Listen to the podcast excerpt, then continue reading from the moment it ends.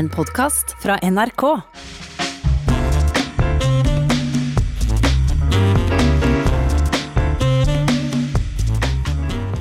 Hurra for Norge, 17. mai og olje og alt det der. der. Hei.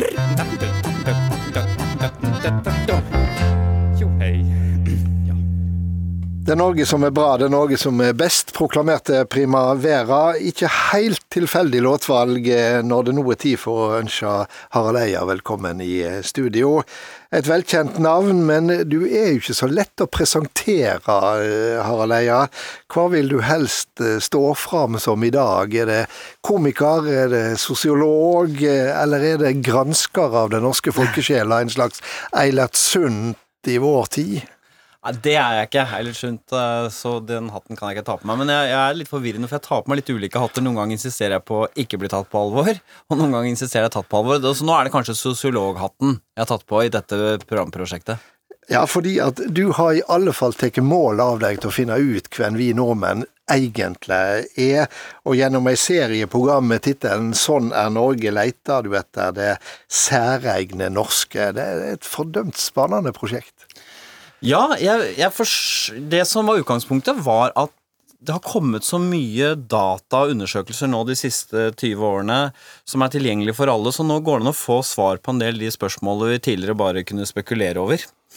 Og så gjorde det litt inntrykk på meg. Det er en eh, amerikansk statsviter som heter Francis Fukuyama, som eh, har vært veldig innflytelsesrik, jobbet i Verdensbanken, sånne ting. Og han uh, holdt noen taler hvor han snakker om at resten av verden har lyst til å bli sånn som Skandinavia. 'Getting to Denmark', uh, snakker han om. Og så sier han men selv danskene, og heller ikke nordmennene, vet hvordan vi fikk til dette her.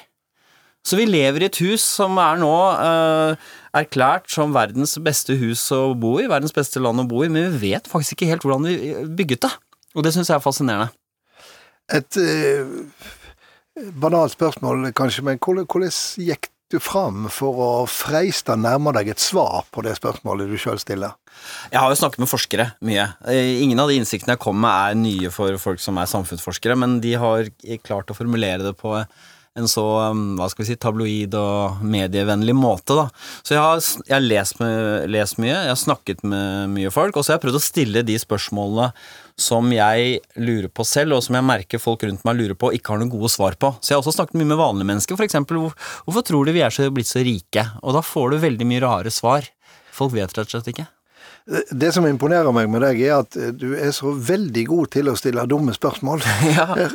Og, og med det mener jeg altså spørsmål som de fleste av oss ikke tør stille fordi vi er redd for å avsløre at vi ikke kan svaret. Ja, det er ofte det er sånne huller i forklaringen sånn, eh, som bare man godtar. La oss si eksempel eh, noen sier ja, Nor Norge gjorde det så bra uh, i den verdensomspennende kapitalismen på 1800-tallet fordi vi, det var mange i Norge kunne lese. Men så spør jeg hvor, hvorfor er det man kunne lese så bra for en, en lands økonomi? Det var egentlig ikke noen gode svar på. Det, men det hadde bare folk hoppet over. Ja, lese er jo Så det er kanskje han jeg prøver å være noen ganger, da. Og, og vent litt, vent litt. Du, du, du, nå gikk det litt fort her, liksom. Stopp opp litt. Så jeg opplever ofte at det å popularisere ikke handler så mye om å ta de store sveipene, men egentlig gå litt mer i detalj. Hva er typisk norsk, eh, spør jo du, eh, Harald Eia, og så svarer du med statistikk, eh, for det er altså ikke typisk norsk å være god.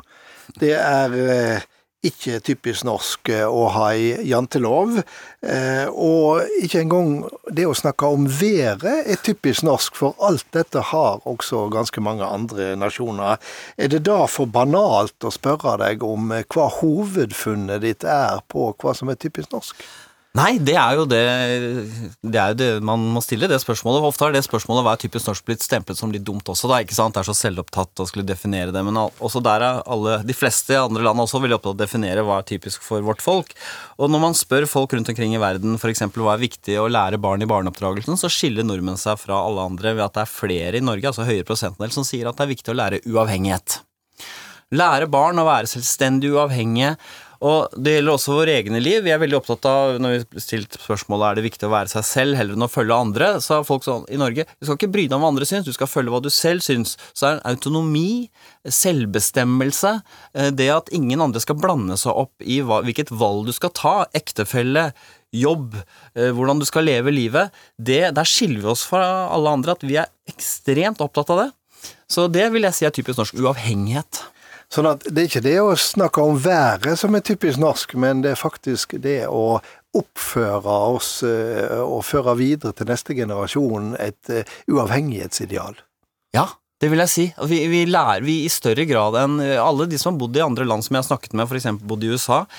Øh, forteller at øh, de er sjokkert over hvordan barna, når de er sånn 17-18-19-20-21 år, fortsetter barna, øh, voksne, å hjelpe dem, kjøre dem til flyplassen, hjelpe dem å fylle ut søknad til universitetet, mens i Norge da, nei, nå er du voksen, nå skal du klare deg sjøl. Vi hjelper jo våre barn litt økonomisk og sånn, men i hovedtrekk så vil også barna, sånn som datteren min sier sånn, nå må du ikke betale mobilregningen min lenger. Nå skal jeg gjøre det. Ja, men er det ikke hyggelig at Nei, jeg skal gjøre det selv. Og dermed så får ikke hun noe binding til meg, hun skylder meg ingenting. Vi skal ikke skylde noen noe.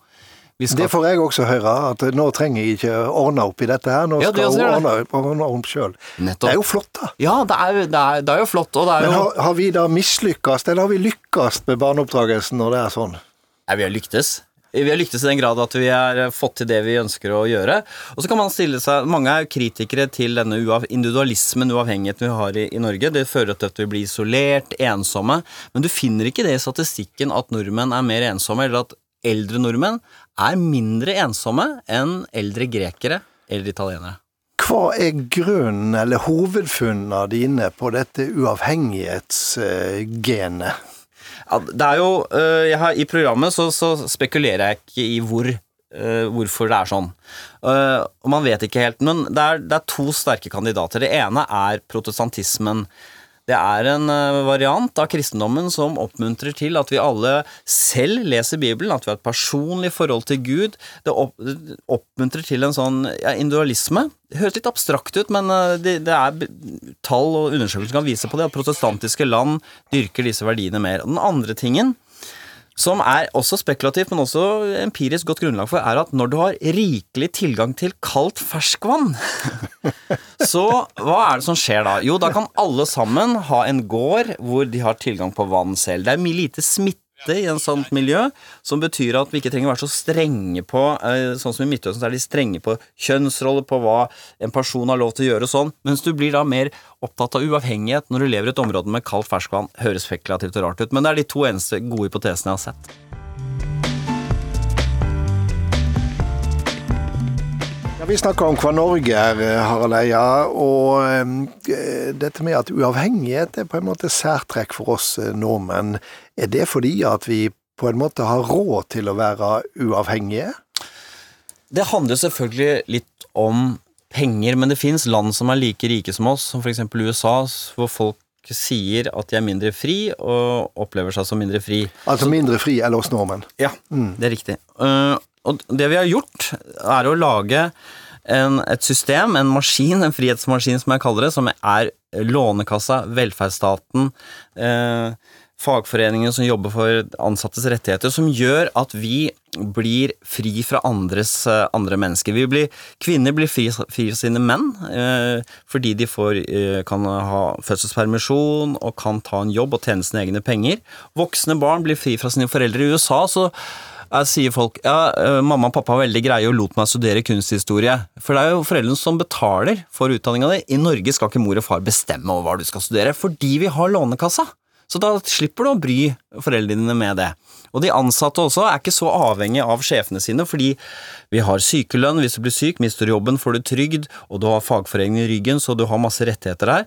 Så vi har laget ordninger som gjør at vi får mer av det vi allerede elsker, nemlig frihet og uavhengighet. Så det som eh, vi i den politiske samtalen kaller for et sikkerhetsnett, det er egentlig en eh, dør ut til uavhengighet. Ja, og det er jo en stor fordel, fordi da kan folk i større grad Det er bra for kapitalismen også, for da kan folk i større grad ta sjanser og starte firmaer, ikke sant? For du vet du faller ikke så hardt hvis du går konk. Du kan skifte jobber, prøve nye ting. Så, det vi, så jeg syns det hadde vært underkommunisert. Som du sier, sikkerhetsnett høres jo veldig sånn trist ut, det er bare noe du, eller fint da, om du faller ned i det, men i virkeligheten så gjør det oss til stand til å realisere drømmene våre, og det er ingen andre land i hele verden hvor folk, det er flere folk som sier at hvis du jobber hardt og står på i Norge, eller i dette landet, så kan du lykkes. må kanskje gjøre oppmerksom på at eh, det du nå sier, det er i bakgrunn av en del internasjonale undersøkelser der de samme tingene blir undersøkt i en rekke land. Det er riktig. Og så ser du hvor Norge ligger i dette. Yes.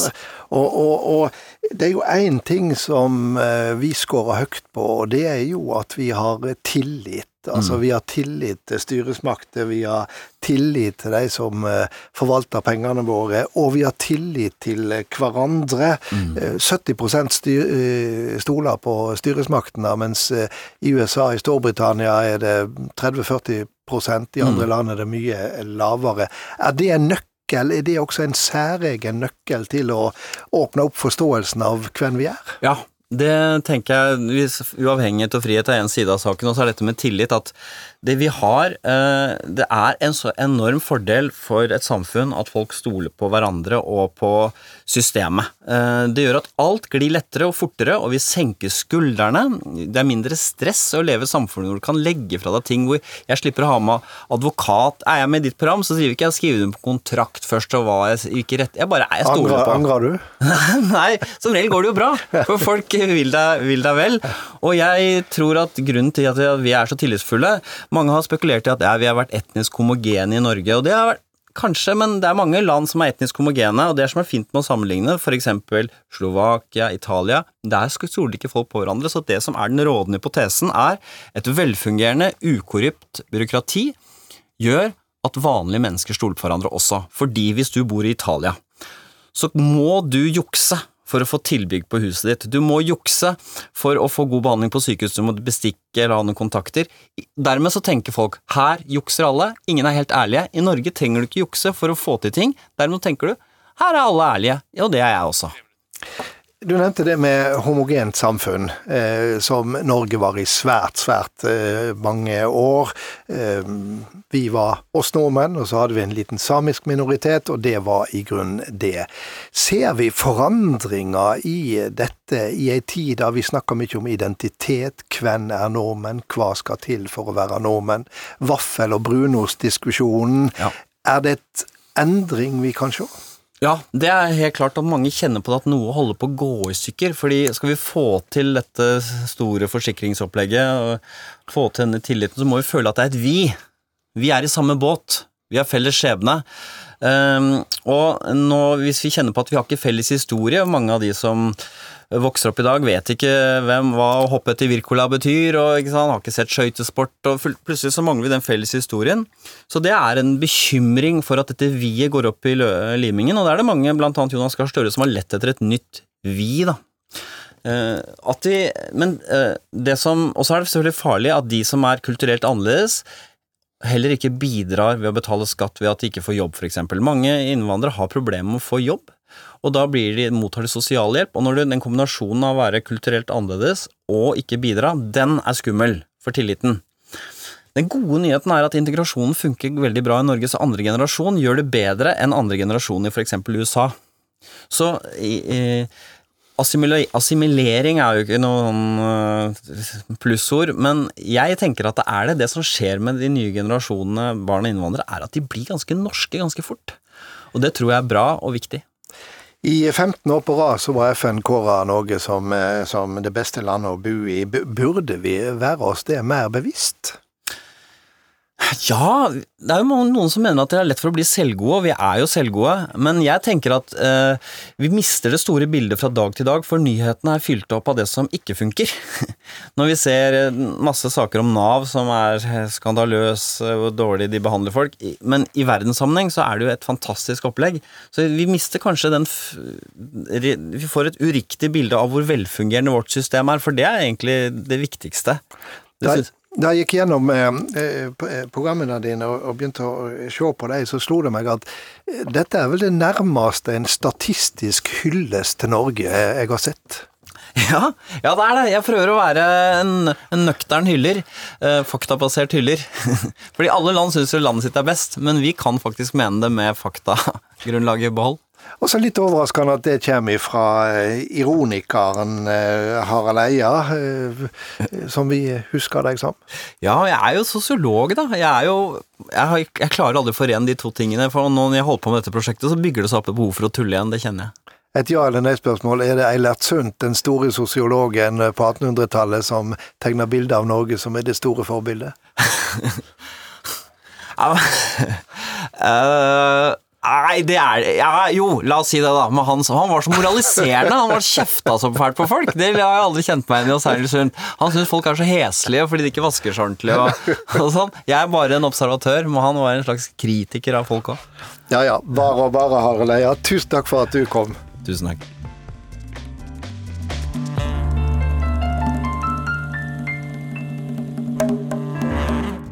Du har hørt en podkast fra NRK.